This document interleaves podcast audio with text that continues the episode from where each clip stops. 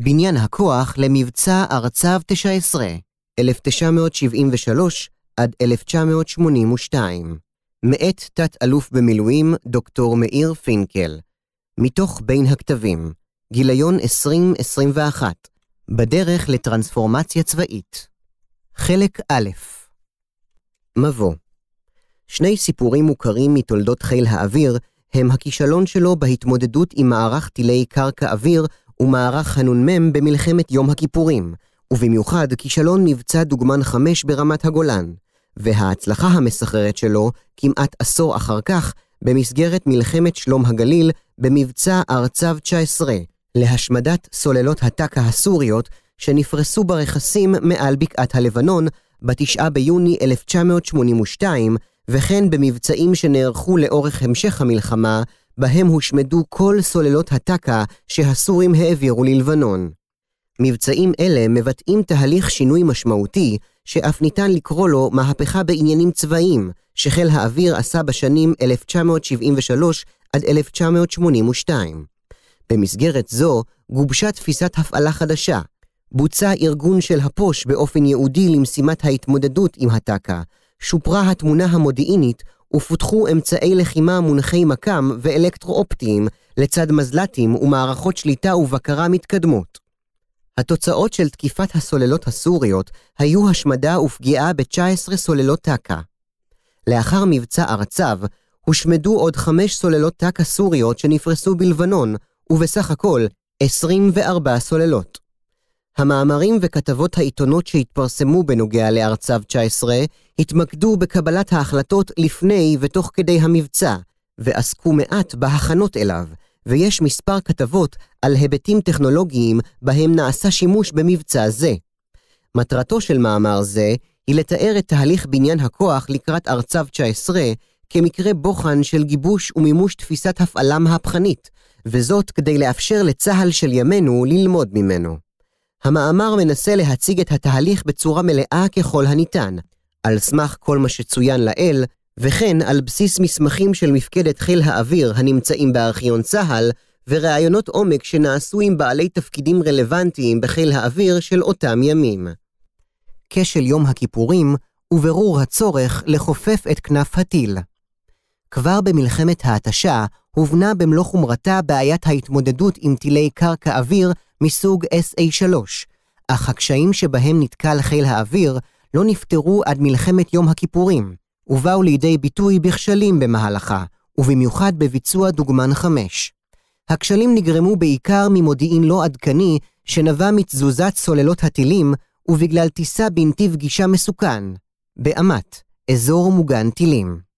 את ההתמודדות עם איום הטקה ניתן לחלק לשני אתגרים מרכזיים. הראשון, התמודדות עם תכונות הטיל. השני, התמודדות עם ניידות הסוללות. הדעות לגבי המענה היו חלוקות לאורך רובה של מלחמת יום הכיפורים. באופן כללי, ניתן לומר כי חיל האוויר הרגיש שנכשל בהתמודדות עם מערכי הנ"מ והטקה בתוכם, וכתוצאה מכך לא הצליח לעצור את מעבר הכוחות המצריים את תעלת סואץ ולסייע לכוחות היבשה ברמת הגולן. במסמך המתמצת את לקחי חיל האוויר ממלחמת יום הכיפורים, שהופץ ב-30 בינואר 1974, פורט כי המענה הנדרש להתמודדות עם מערך הטק"א הוא מערכת לחימה הכוללת מודיעין, קשר, שליטה, אימונים ואמל"ח. במילים אחרות, לא ניתן להסתפק בסוג נשק מסוים, כמו נשק חכם מנגד, אלא צריך אינטגרציה מלאה של היכולות האחרות. התחושה כי נדרש תיקון הייתה ברורה, וגם מרכיבי המענה היו ידועים, כפי שפורט לעיל. אולם המרחק בין הגדרת הלקח ובין מתן המענה היה עצום. בין היתר, בשל הטראומה של מלחמת יום הכיפורים, שגרמה לחלק נכבד מצוותי האוויר ומקציני חיל האוויר למחשבה כי החיל לא יכול ולא צריך להתמודד ישירות עם הטילים, ועליו להתרכז בתקיפה מיטבית תחת איום של טילים מתפקדים. פיתוח גישת הלחימה הישירה בטק"א נעשה על ידי עבודה מערכתית של רבים בחיל האוויר, בראשות מפקדים, ובהם רמ"ח מבצעים אלוף משנה עמוס אמיר עד יוני 1975, ואחריו אלוף משנה אביהו בן נון, בהובלת רמ"ד תקיפה א', רב סרן אביעם סלע, שהפך למומחה לעניין. כל זאת בברכת רמה, תת-אלוף דוד עברי, ומחה, אלוף בני פלד. תורמים נוספים ליוזמה היו סגן אלוף יפתח ספקטור, מפקד טייסת 107 במלחמה, וראש ענף אימונים אוויריים במחלקת הדרכה אחריה. אלוף משנה גיורא פורמן, רמ"ח מבצעים במלחמה, וב-1974 עד 1975 מפקד בסיס רמת דוד, שתמך בגישתו העקרונית של סלע, והציע בעצמו רעיונות מתחום תו"ל הפעלת המטוסים, אך לא עסק במגוון תחומים אחרים שיוצגו כאן.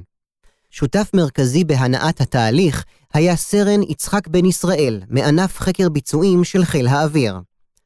ענף חקר הביצועים בחיל האוויר עסק באופן אינטנסיבי בפיתוח מענה לאתגר הטק"א לפני מלחמת יום הכיפורים וגם לאחריה.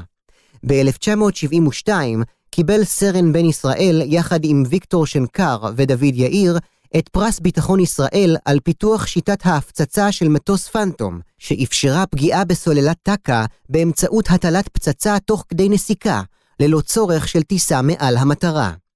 בן ישראל עסק לפני מלחמת יום הכיפורים בהכנת תוכניות חיל האוויר לתקיפת הטק"א, ותוך כדי המלחמה הוא היה חלק מצוותי התכנון שניסו לפתח מענה לסוללות קרקע אוויר, ובכלל זה באמצעות הטלת מוץ מסיבי.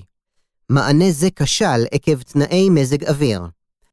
אביעם סלע, סגן מפקד טייסת קורנס 69 במלחמת יום הכיפורים, ולאחר מכן, בשנים 1974 עד 1975, רמ"ד תקיפה א', למד את הנושא לעומק והגיע למסקנה כי ניתן יהיה לפתור אותו. הוא תיאר מפגש עם מאות אנשי מילואים בינואר 1975 בבסיס תל נוף, שבו הובעה התנגדות רבה לרעיון הלחימה הישירה בטילים. ההתנגדות חרתה לסלע, ולקראת סיום המפגש, הוא עלה לבמה ואמר כי הידע שיש לו על אתגר הטילים רחב ומעמיק הרבה יותר משל אלו שהתנגדו לרעיון, וכי ניתן לפתח פתרון לבעיה. מפקד בסיס רמת דוד, אלוף משנה גיורא פורמן, שהיה נוכח במפגש, העביר אחרי השיחה פתק לסלע, בו כתב, ציטוט, נהניתי מכל מילה שלך בתל נוף לפני מובילי המילואים ומעט סדירים בנושא הטילים. אין לי ספק בדברים שנאמרו. אין לי גם ספק בכך שנדרשת הזדהות הטייסים, ובעיקר המובילים, עם העניין. בינואר 1975 הפיץ סלע מסמך רשמי בשם קרבות טילים, לחימת מטוסים בסוללות טילים. בהקדמה הוא הזכיר חוברת בשם דומה, קרבות טילים, שנכתבה בידי מפקד טייסת 201, איתן בן אליהו, וכתב כי הוא שותף לגישה של מפקד הטייסת, לפי הקרב נגד טילים אינו שונה מקרב נגד מטוסים, אך חולק על הנחות בסיסיות שלו, ובמיוחד על דרך הטיפול המוצעת. סלע הציג בחוברת שלו ניתוח מפורט של האתגר שמציב טיל SA-6 בפני הטייס, והציע מענה המורכב משלושה שלבים. 1. הימנעות מגילוי באמצעות ניתוב טיסה מתאים. 2. מלחמה בנעילה של המקם. לחימה במפעיל שלו באמצעות תמרון ומוץ. 3. פגיעה במקם. סלע קרא לשימוש טוב יותר של הטייסים באמצעי ל"א קיימים בהם איבדו אמון, באמצעי זיהוי נעילת מקם הטק"א, כומר, בהגברת התודעה באמצעות הדמיית סוללות טק"א, תצלומים, שולחנות חול, דגמים. הוא גם קרא להקים סוללת SA-6 דמה בכל בסיס, שתהיה פרוסה בבסיס או בסביבתו, ולחייב כל טייס לבצע זיהוי ותקיפה שלה אחת ליום או יומיים בדרכו חזרה לנחיתה. כן קרא להקמת מטווחים ייעודיים לתקיפה. הרעיונות הראשונים של סלע לא כללו את המרכיבים של מערכת שליטה ובקרה ואמצעי ל"א. רעיונות אלה עלו מאוחר יותר, במהלך שנת 1975.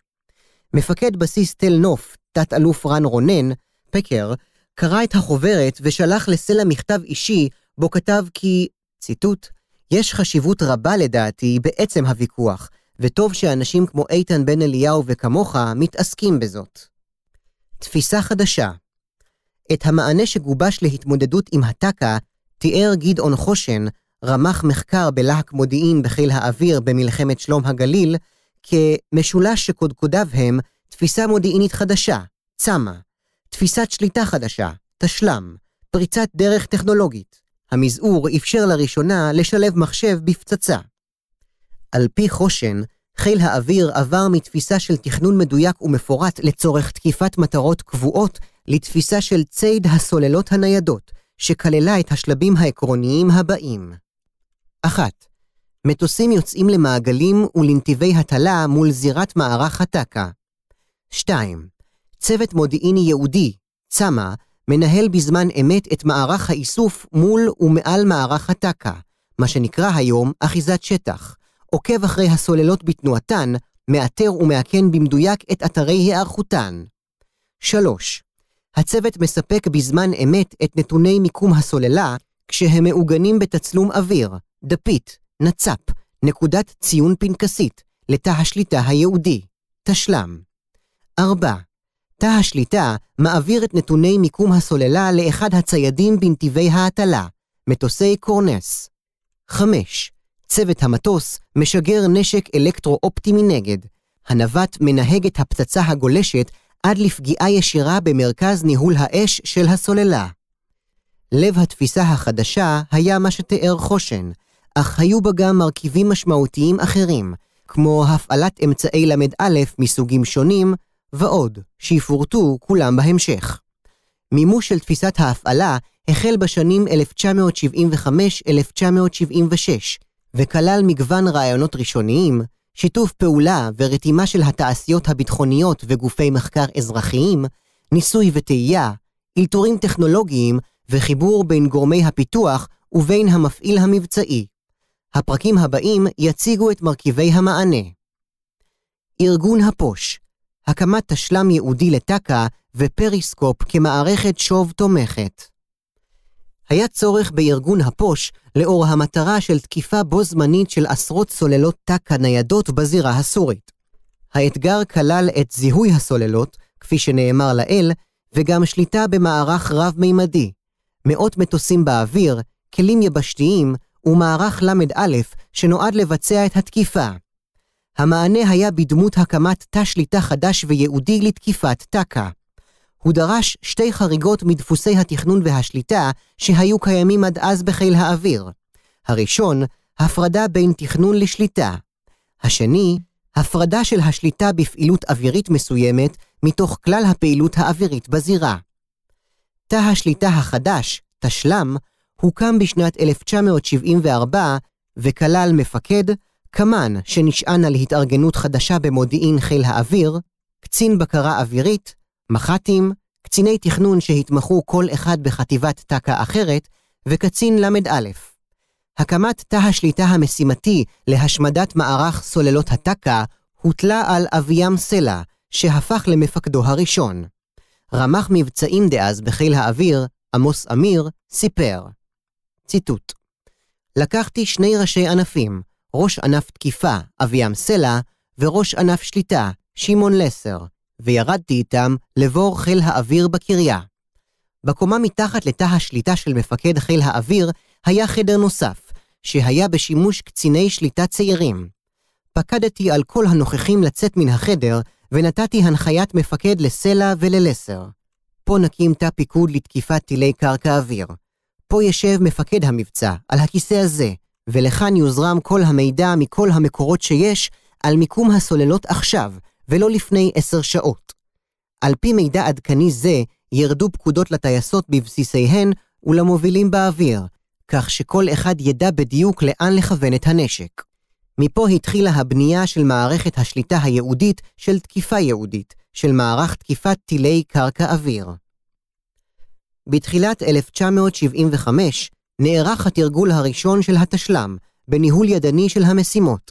יחידת נ"מ של טילי פוטיפר נעה באזור דימונה ודימתה התנהלות של סוללת טק"א סורית, ובמקביל נעשו פעולות כדי לזהותה ולתקוף אותה.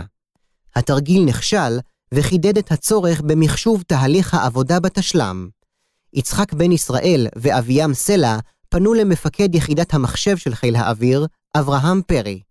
תשובתו הייתה כי ניתן למחשב את תהליך השליטה, אך הדבר ייקח חמש שנים, ידרוש עבודה של 200 איש והשקעה של מיליונים. לאור נתונים אלה, דחה ראש מחלקת אוויר, התפקיד המקביל בערך לרמת של ימינו, תת-אלוף רפי הרלב, את ההצעה. על פי אביאם סלע, הרעיון למענה מחשובי התעורר בביקור שהוא ערך בתרגיל של מפקדת פיקוד הצפון כדי ללמוד על הפעלת עשרות ומאות כלי ירי בו זמנית, כמות מטרות גדולה ושינויים בזמן אמת. במהלך הביקור הפנה אותו מפקד התותחנים של הפיקוד לאמנון יוגב ממכון ויצמן, מג"ד במילואים ודוקטור לכימיה, ובהמשך הגיע סלע לצבי לפידות, האחראי על המחשוב במכון ויצמן וקצין קשר של אגד תותחנים. לימים סיפר אביאם סלע. ציטוט: התברר לי שהם עוסקים בהכנת מערכות מחשוב, שליטה ובקרה, שיסייעו לנהל ביעילות את כל מערך האש של חיל התותחנים. הבעיה שלנו בחיל האוויר הייתה מורכבת פי כמה, והחלטתי לצרף לצוות שלנו גם את סגן יצחק בן ישראל. פנינו להנהלת מכון ויצמן וביקשנו את עזרתם בחשיבה ובפיתוח מענה מתאים עבור חיל האוויר. הבהרנו שחיל האוויר לא פועל בדרך הממוחשבת, אלא בנוי על אנשים ועל עבודה עם לוח, צ'יינוגרף ופלנלית, ושאנחנו מבקשים מהם להיכנס לעבודה ולחשיבה בהתנדבות עבור החיל. למרות החלטת הדחייה של ראש מחלקת אוויר שצוינה לאל, המשיכו סלע ובן ישראל בעבודה עם אנשי מכון ויצמן. בפגישה עם צבי לפידות, הוא קרא לאדם חרדי בשם מנחם קראוס, שהיה המתכנת הראשי של המכון, ושאל אותו כמה זמן ייקח לבנות אב טיפוס. קראוס ענה, שלושה שבועות. לימים כתבה על כך העיתונאית סימה קדמון. ציטוט: אחרי חצי שנה של עבודה אינטנסיבית, המערכת הייתה מוכנה. בן ישראל נתן לה את השם פריסקופ, שם ציורי שבא לתאר איך מבור הפיקוד מאפשרת המערכת לדעת מה קורה בשדה הקרב, ואיך ניתן באמצעותה לנהל את המלחמה ממעמקי האדמה. ואז, מספר סלע, הלכתי למפקד חיל האוויר בני פלד. באתי אליו כדי לבקש משאלה ענקית, שיבוא למכון ויצמן. לא אמרתי לו מה הוא הולך לראות, אבל אמרתי שמדובר בשינוי מוחלט בתפיסה של חיל האוויר. עד אז חיל האוויר האמין שהכל מנוהל ונשלט ממקום מרכזי אחד. אנחנו הבאנו שיטה שמבזרת את השליטה והפיקוד, עם ההבנה שלא ניתן מאותו מרכז שליטה שמרכז קרבות אוויר, סיוע לכוחות קרקע, משימות צילום, תובלה והטסת מפקדים, לנהל גם את המלחמה בטילים. פלד הגיע למכון ויצמן בקיץ 75. הוא הגיע לבד כדי לראות דבר שהוא לא ידע מהו ולא ראה כמותו מעולם. מרפי, ההוא מחוק מרפי, בא כמובן לבקר באותו יום, והייתה הפסקת חשמל. לא היו מזגנים. ובנוסף, גם המחשב נפל. פלד חיכה בסבלנות, ואחרי שעה שראה ושתק, שזה כשלעצמו אירוע חריג, הוא אמר, את זה אנחנו צריכים, בדיוק כמו שזה, מחר בבוקר. מנחם קראוס, שגויס בהמשך הדרך לחיל האוויר כאזרח עובד צה"ל, סיפר בריאיון לדן סלע על הקושי בבניית האמון בחיל במערכת ועל האיטיות בעיניו של תהליכי הפיתוח בצבא. ציטוט: אב הטיפוס שבנינו משך אליו אנשים מכל הדרגים, וכל מי שראה את זה מיד הביע התלהבות גדולה.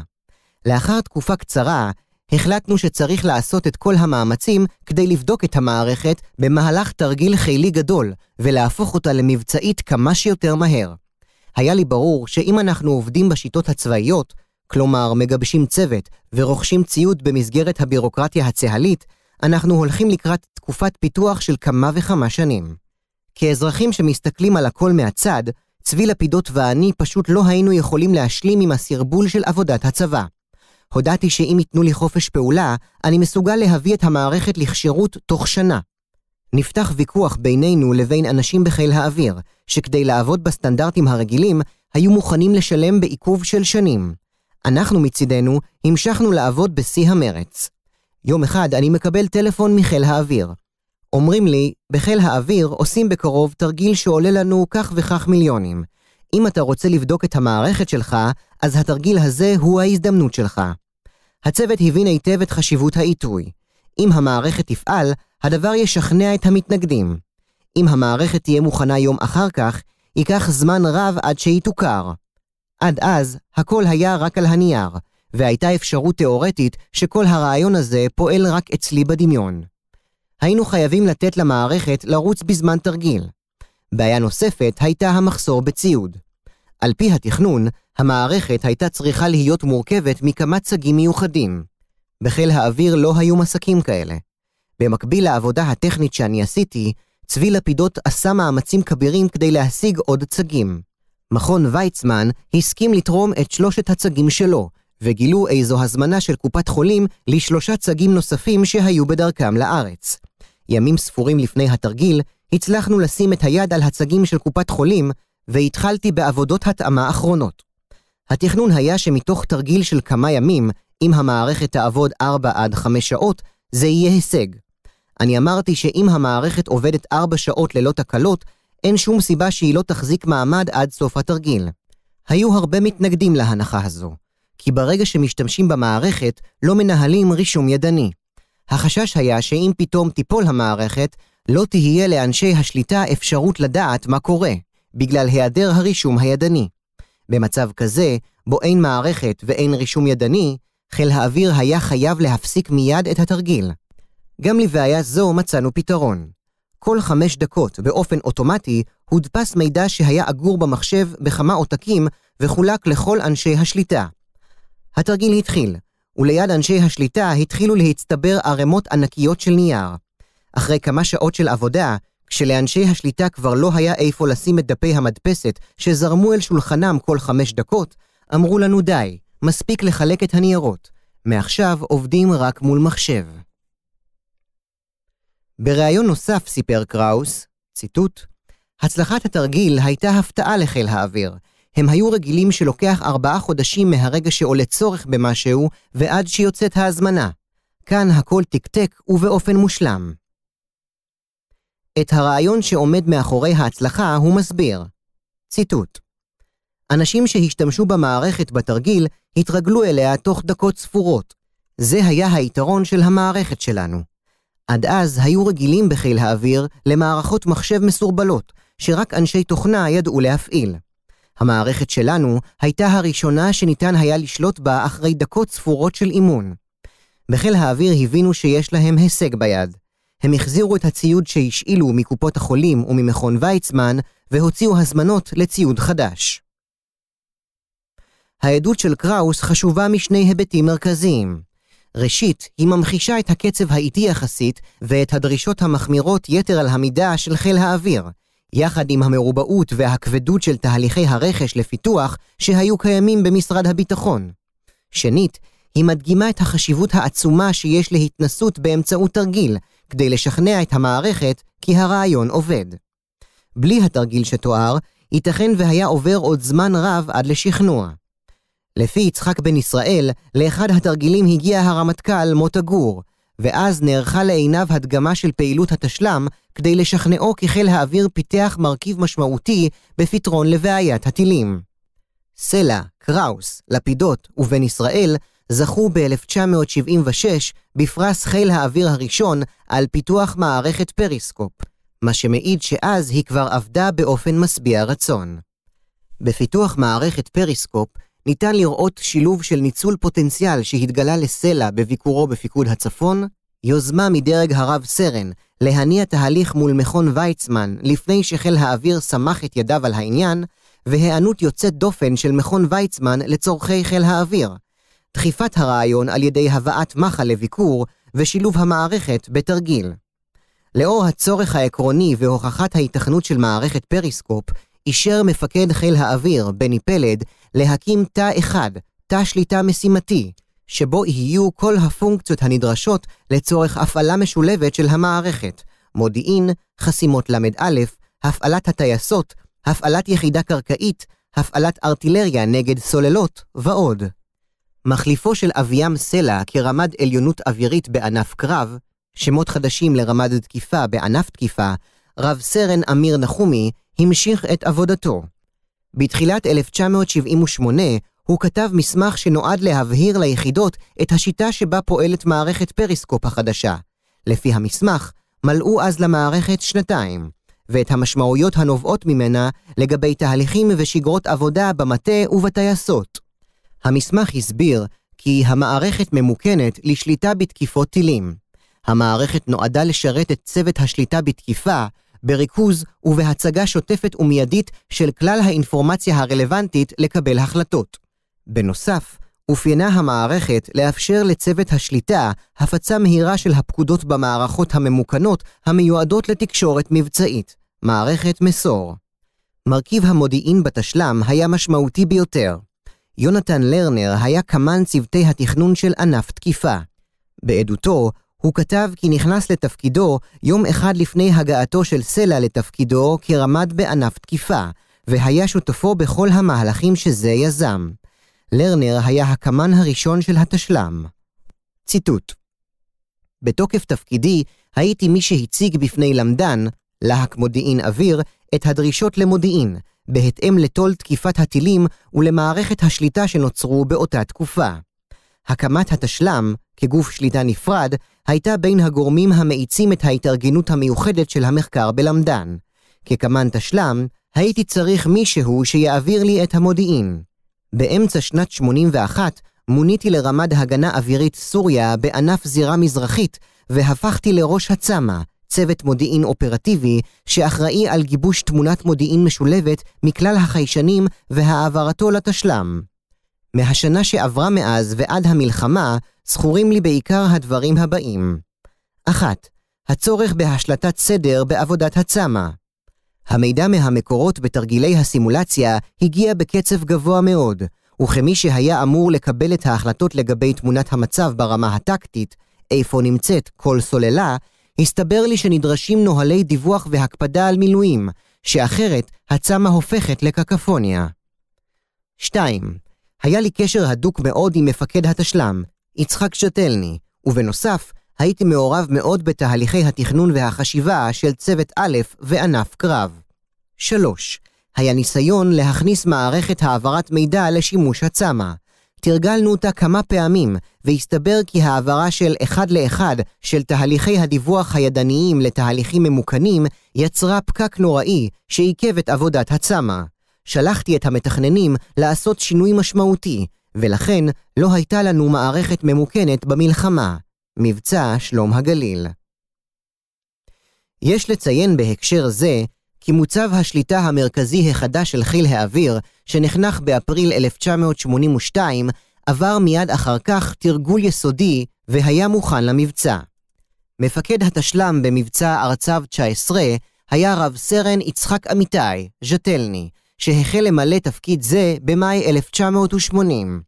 בעדות רשמית שמסר בסוף יוני 1982, הוא הסביר ששיטת השליטה שהחלה להתפתח ב-1974 עד 1976 באה לידי ביטוי במלחמת לבנון הראשונה באופן מלא בגלל ריבוי המטוסים, ריבוי המטרות והשינויים והתנועה של הסוללות שחייבה שליטה מרכזית כזו. חשוב לציין כי ההכנות היו למלחמה רחבת היקף מול צבא סוריה, מול עשרות רבות של סוללות ניידות. במבצע ארצב 19, הסוללות שהותקפו היו נייחות, ולכן לא נדרשו כל היכולות שסיפקה מערכת פריסקופ. העיר על כך יונתן לרנר, ציטוט: במלחמה ב-82 תקפנו מערך שהיה בפועל נייח. כתוצאה מכך, הרגשנו בצמ"ה שבתרגילים היה קשה יותר. בימים שלאחר המבצע נעשה שימוש מלא ביכולות של פריסקופ, שכן הסוללות שהוכנסו לבקעת הלבנון הגיעו בלילה והושמדו שעות לאחר מכן, וכן הושמדו סוללות ניידות תוך כדי תנועתן. שיפור התמונה המודיעינית, עצמאות בייצור מודיעין, קיצור זמנים להעברתו ואיסוף בזמן אמת. ניידות הסוללות הייתה אתגר שדרש מחיל האוויר להתמודד עם שינוי מודיעיני תוך כדי תקיפות. כלומר, נדרש היה לזהות את הסוללות שתנועתן גרמה לתקיפת הנפל בדוגמן 5, באופן כזה שיאפשר מעקב אחריהן גם אם נעו, ותקיפתן במקומן החדש. היה צורך לפתח מרכיבים מרכזיים.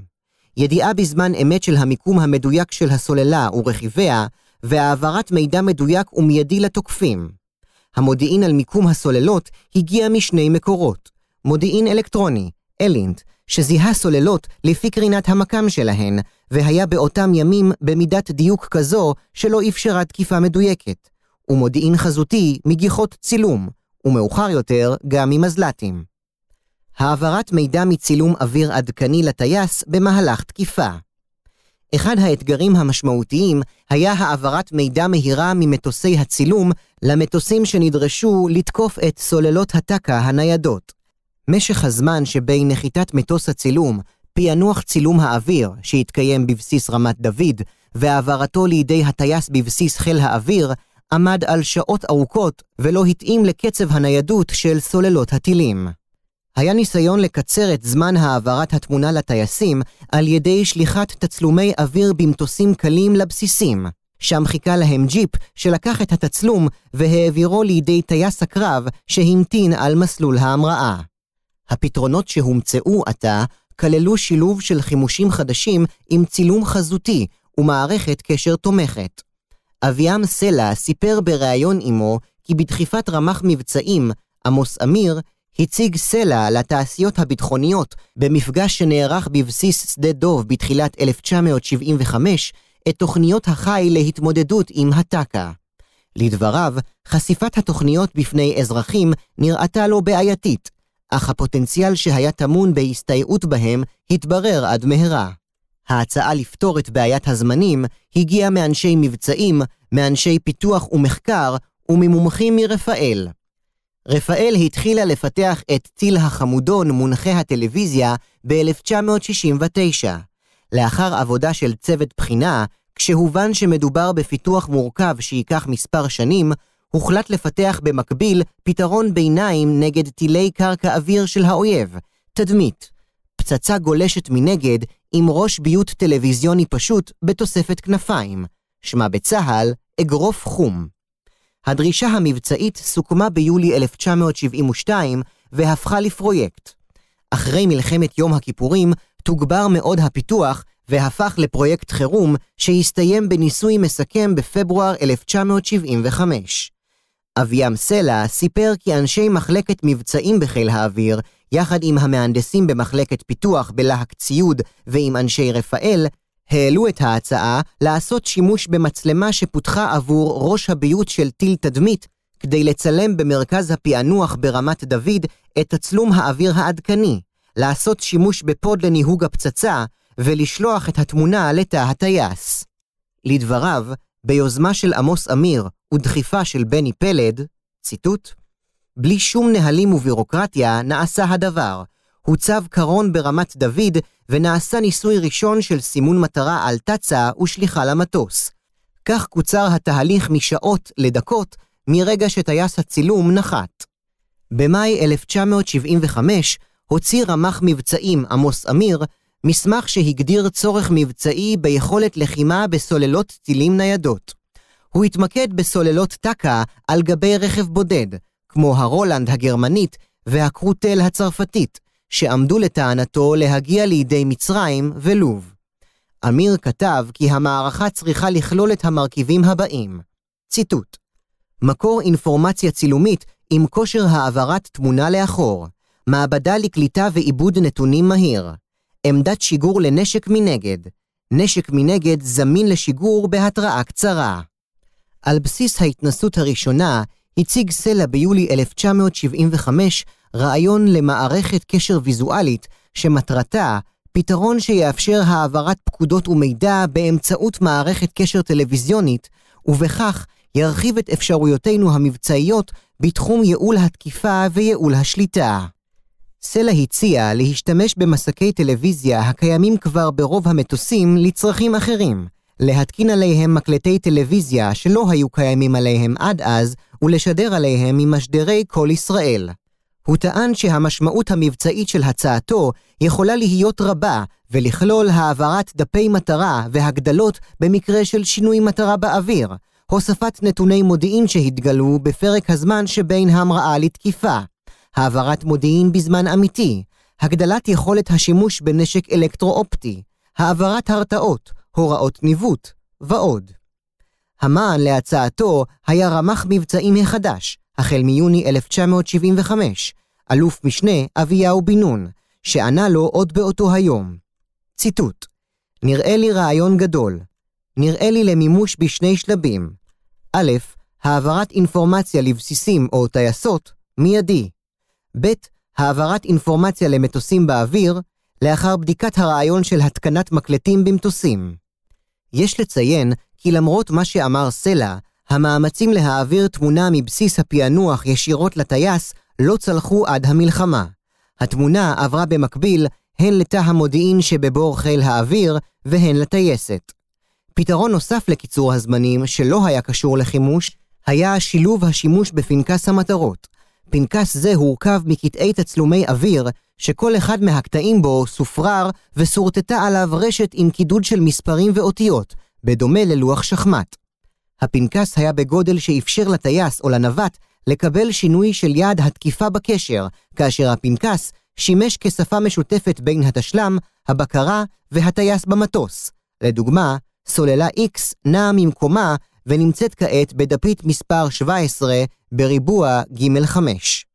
שימוש בפנקס מטרות לצורך ציד סוללות טק"א מסוג SA-8 נעשה שלושה ימים אחרי מבצע ארצב 19, כאשר לפי זיהוי של גיחת מזל"ט זהבן, רמ"ח מבצעים סלע הכווין מטוס קורנס בעזרת דפית מטרה לפגיעה בסוללה שהתחבאה במקום שלא נראה לעיני הטייס. בפנקס המטרות נעשו בהמשך עוד שימושים, כמו שפה משותפת עם כוחות היבשה. חשוב לציין בהקשר זה את עצם פיתוחו של טול בתחום זה והפצתו לכל חיל האוויר. איסוף בזמן אמת על ידי מזל"טים ואלינט. ראשית דרכם של המטוסים ללא טייס בצה"ל נבעה מהצורך לצלם את הצד המערבי של תעלת סואץ תחת איום הטק"א במלחמת ההתשה.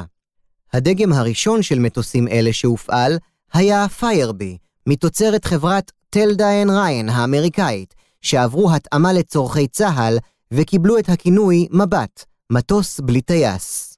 אחריהם נרכשו מזל"טים מדגם צ'קר מתוצרת חברת נורטרופ, כינוים בצה"ל היה תלם. תלם היה מטוס סילון קטן, שייעודו המרכזי היה הטעיה, אך חיל האוויר עשה בו גם שימוש מוגבל לאיסוף מודיעין. מי שהוביל את רעיון פיתוח המזל"ט היה רמ"ד 2 בלהק ציוד, אברהם קיפלאוי, אלא שחיל האוויר לא ראה במזל"ט ייעודי לאיסוף מודיעין צורך מבצעי, ולכן התעשייה האווירית לא עסקה בתחילה בנושא. קיפלאוי עזב את חיל האוויר כדי לממש את חזונו בחברת תדירן, שאכן פיתחה את המזל"ט הישראלי הראשון, מסטיף, בצה"ל, סייר. אחר כך הוא עבר לתעשייה האווירית כדי לפתח במסגרתה את המזל"ט זהבן. ב-1976 הוקמה בחיל המודיעין יחידת נחשון להפעלה מסודרת של מזל"טים. ב-1978 נכנס לשימוש הזהבן לצורך התמודדות עם הפעילות החבלנית העוינת. אלא שלזהבן היו מגבלות, ובהן יכולת תמונת יום בלבד, וזמן שהייה באוויר שהיה מוגבל לשעתיים. לפי אלוף עברי, תפקיד הזהבן היה לוודא בזמן אמת שהמודיעין שהושג באמצעות גיחת צילום מקדימה עדיין עדכני. הדבר אפשר לתשלם לוודא שמי שתוקף עושה זאת על מטרה הנמצאת במקומה, ולהסיט את התקיפה למטרה אחרת אם הדבר נדרש. במבצע ארצב 19 הופעלו מזלתי מבט, תלם וזהבן. אביאם סלע ציין בעדותו כי בשבת 24 ביולי 1982 נעשה שימוש אינטנסיבי במזלתי זהבן לתקיפת סוללות SA-8, שהסורים החלו להכניס ללבנון. לא ניתן היה להעביר בזמן אמת תמונה למטוס התוקף, אלא רק למפקדת חיל האוויר אשר הנחתה את הטייס. איסוף בזמן אמת נעשה באותה תקופה בעיקר באמצעות מודיעין אותות, אלינט, על ידי מטוסי בואינג 707 שהוסבו בחיל האוויר למטוס אלינט מעופף, ראם. גם המידע האלינטי הגיע לצמ"ה ולתשל"ם. יצחק אמיתי ציין לימים כי בתחילת שנות ה-80 נעשה ניסיון לצמצם את אליפסת האלינט על ידי שילוב אמצעי איכון מסוגים שונים, ולשלב איכון זה עם היכולת של מצלמת הטלוויזיה לסרוק תא שטח קטן. השילוב הזה נדרש גם לאיכון הסוללות וגם לצורכי בדיקת תוצאות התקיפה לאחר גל התקיפה הראשון. איכון הסוללות ובדיקת תוצאות התקיפה נעשו גם בסיועה של יחידה יבשתית שחיל האוויר הקים לצורכי תצפיות מיוחדות, תצ"ם, יחידה 5707, שהוקמה לצורך כך ב-1974. סוף חלק א'. בחלק השני, התמודדות עם תכונות הטקה, פיתוח אמל"ח חדשני.